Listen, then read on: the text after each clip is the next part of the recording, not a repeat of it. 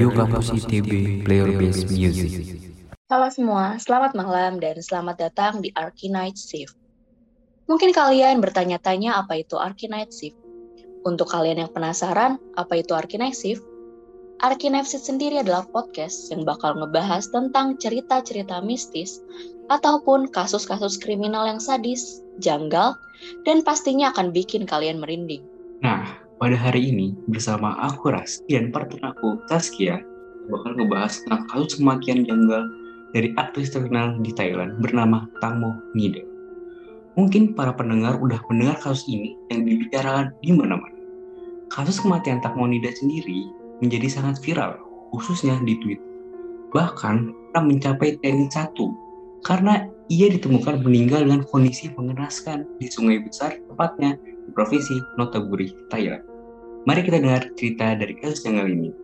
Nah, sebelum kita masuk ke detail kejadiannya, aku mau nanya dulu nih sama Kia. Kia sendiri udah denger belum kasus ini? Wah, kalau dari aku sendiri, tiap buka sosmed mulai dari TikTok, YouTube, Twitter sampai Instagram ngebahas kasus janggal ini. Jadi aku langsung update dengan kasus ini sendiri. Bahkan setelah aku baca pun langsung ngerasa aneh dan penasaran tentang fakta yang ada di balik dari kasus ini. Ya iya bener banget nih ya. Banyak banget fakta yang seakan-akan nih disembunyikan dari kasus ini. Tapi nih seperti patah, sepintar-pintarnya bangkai, ditutupi, baunya tetap akan tercium juga. Kita akan mulai cerita ini dengan siapa itu Tang Monida. Nah, Tang Monida sendiri merupakan seorang aktris dan model Thailand. Ia memulai karirnya sebagai model pada tahun 2002 dalam kontes Miss Teenage Thailand. Lalu ia melanjutkan karirnya sebagai aktris dan bermain di banyak film. Tang Monida sendiri lahir di Bangkok 13 September 1984 dan berusia 37 tahun pada 2002. Di tahun 2013, ia menikah dengan seorang aktor bernama Tono Pakim Kun Wilaisuk. Tapi pernikahan tersebut gak bertahan lama. Ya, pada tanggal 26 Februari 2022, Tangmo ditemukan meninggal dengan keadaan mengenaskan.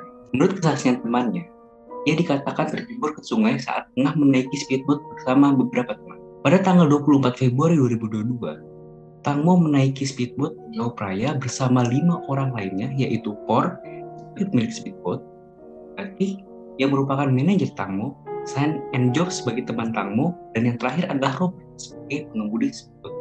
Pukul 22.40 waktu setempat, Tangmo dilaporkan jatuh ke sungai Atbut berada di area Pier 1 Pibul Songkram, Sungai Chau Phraya.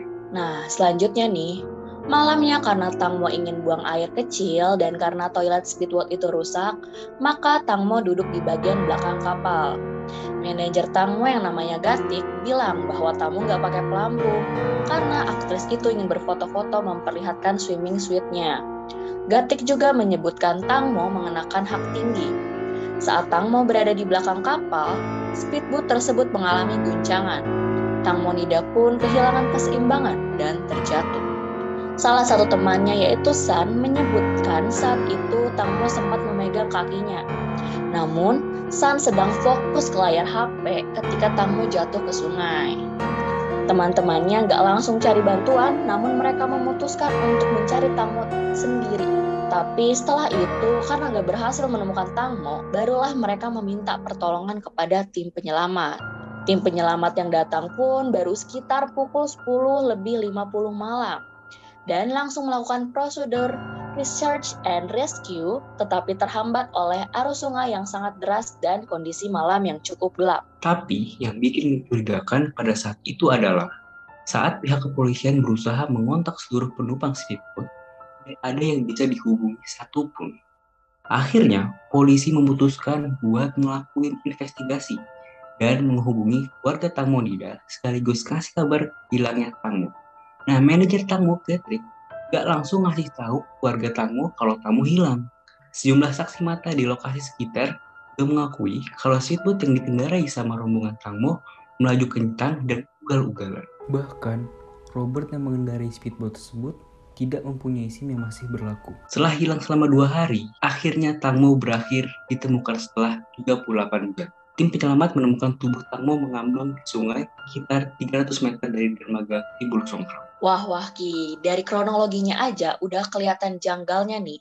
Bahkan sampai semua orang yang ada di speedboat itu menghilang.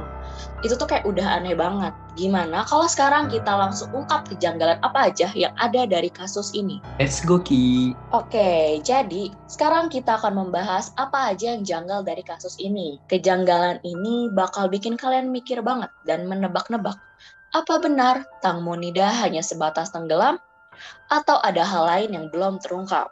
Kejanggalan pertama, dari hasil tim forensik, nggak ditemukan bahwa Tang Mo tuh baru aja buang air kecil. Dan pas itu dia pakai swimming suit yang bikin dia susah banget buat buang air kecil. Lalu, San, salah satu teman Tangmo juga nggak konsisten sama jawaban dia tentang hilangnya Tangmo.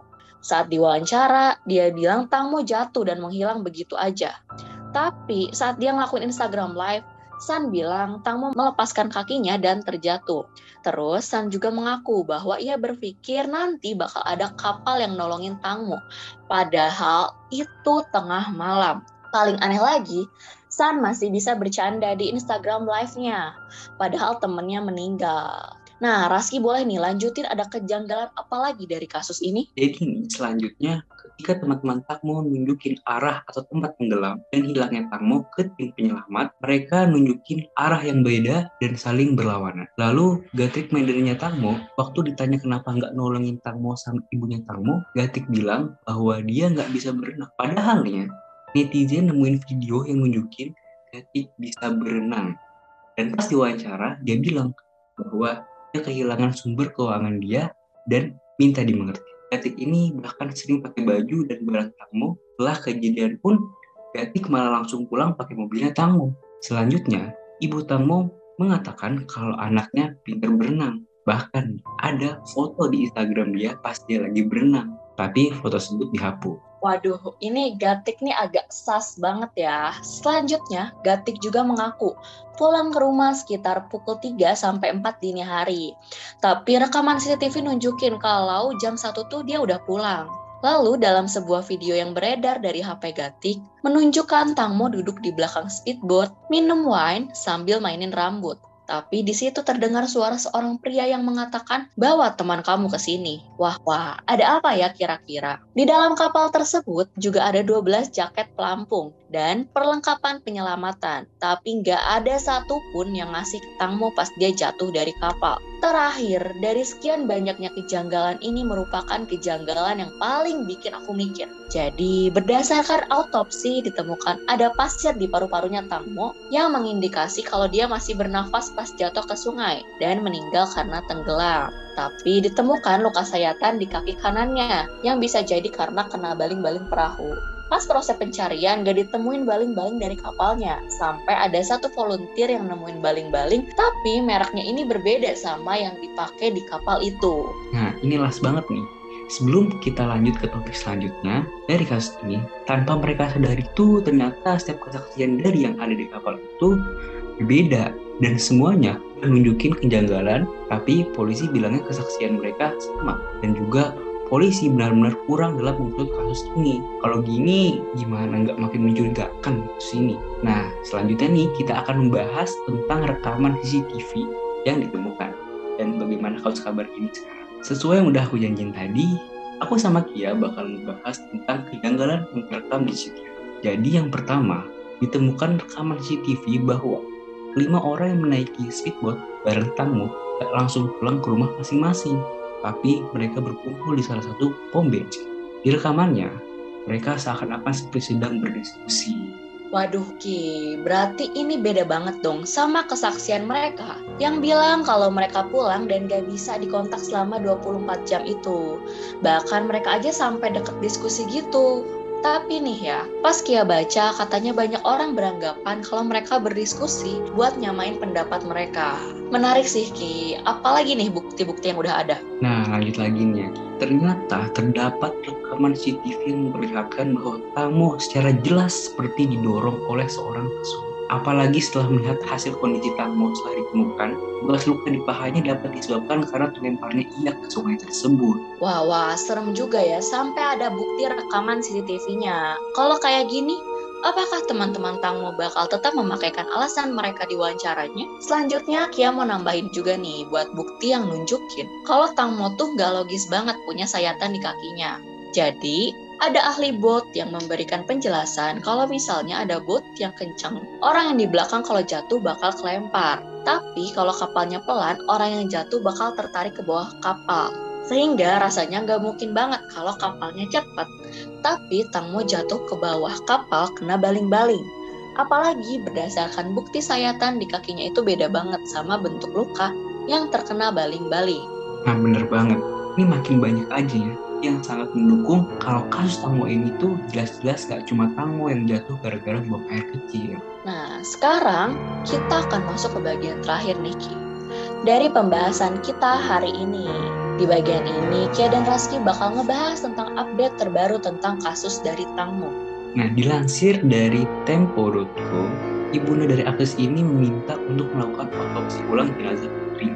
Pengacara Tangmo sendiri mengatakan bahwa akan menunda acara kremasi yang awalnya akan dilakukan 14 Maret 2022.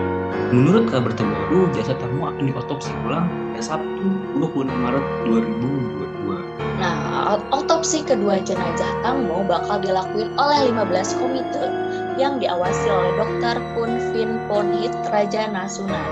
Seorang youtuber bernama Anjas menjelaskan tentang proses autopsi Tangmo Nida. Menurut Anjas, proses autopsi tidak akan langsung mendapatkan hasil dengan cepat. Namun, hasil autopsi bakal diumumin lewat beberapa konferensi pers secara berkala. Dalam proses kedua kali ini, dokter menyatakan bahwa nggak perlu lagi dilakukannya pembedahan terhadap jenazah karena kemungkinan data-data yang didapat itu nggak bakal banyak karena jenazahnya udah terlalu lama buat diawetkan.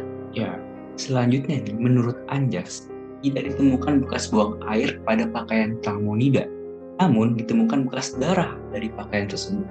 Terdapat 22 titik lebam pada tubuh, namun yang diperiksa hanya 11 titik dikarenakan itu adalah titik paling keras. Lalu akan dianalisis lebih mendalam lagi dengan memotong kuku Tangmo untuk diperiksa terkait isu tentang luka-luka yang ada di tubuh Tangmo. Oh iya, kamu tahu gak sih ada kabar yang mengejutkan? Ini dua tersangka di kasus ini yaitu Por dan Robert. Wah wah, gimana tuh Ki? Nih, jadi tiba-tiba Por dan Robert ini melaporkan telah menjalani ritual untuk menjadi biksu. Nah ini baru-baru ini nih.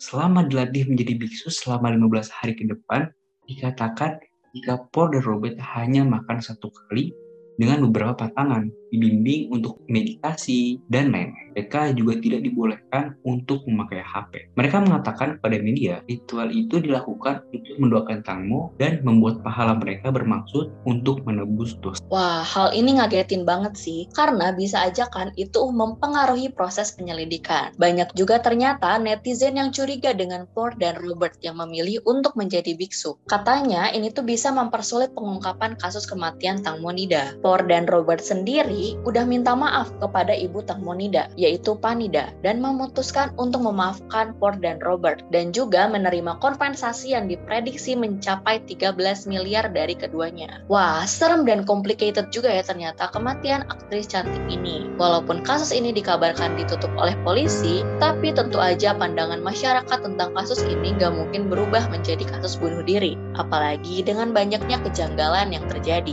Ya bener banget nih, kalau kita sih cuman bisa ngedoain buat pelakunya semoga bisa diberi imbalan yang setimpal. Dan buat keluarga Tangmo, semoga ikhlas dan semoga hasil otopsi yang akan dilaksanakan pada 26 Maret 2022 dapat mengungkap semuanya. Tunggu aja ya pendengar Arkinasif buat lanjutan beritanya. Nah, kita udah sampai di penghujung acara.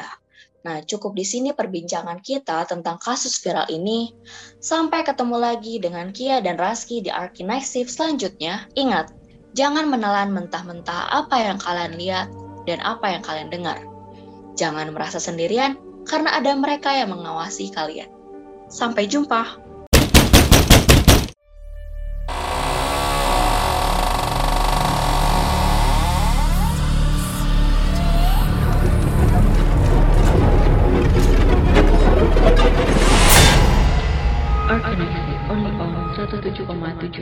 Radio Kampus ITB Player Based Music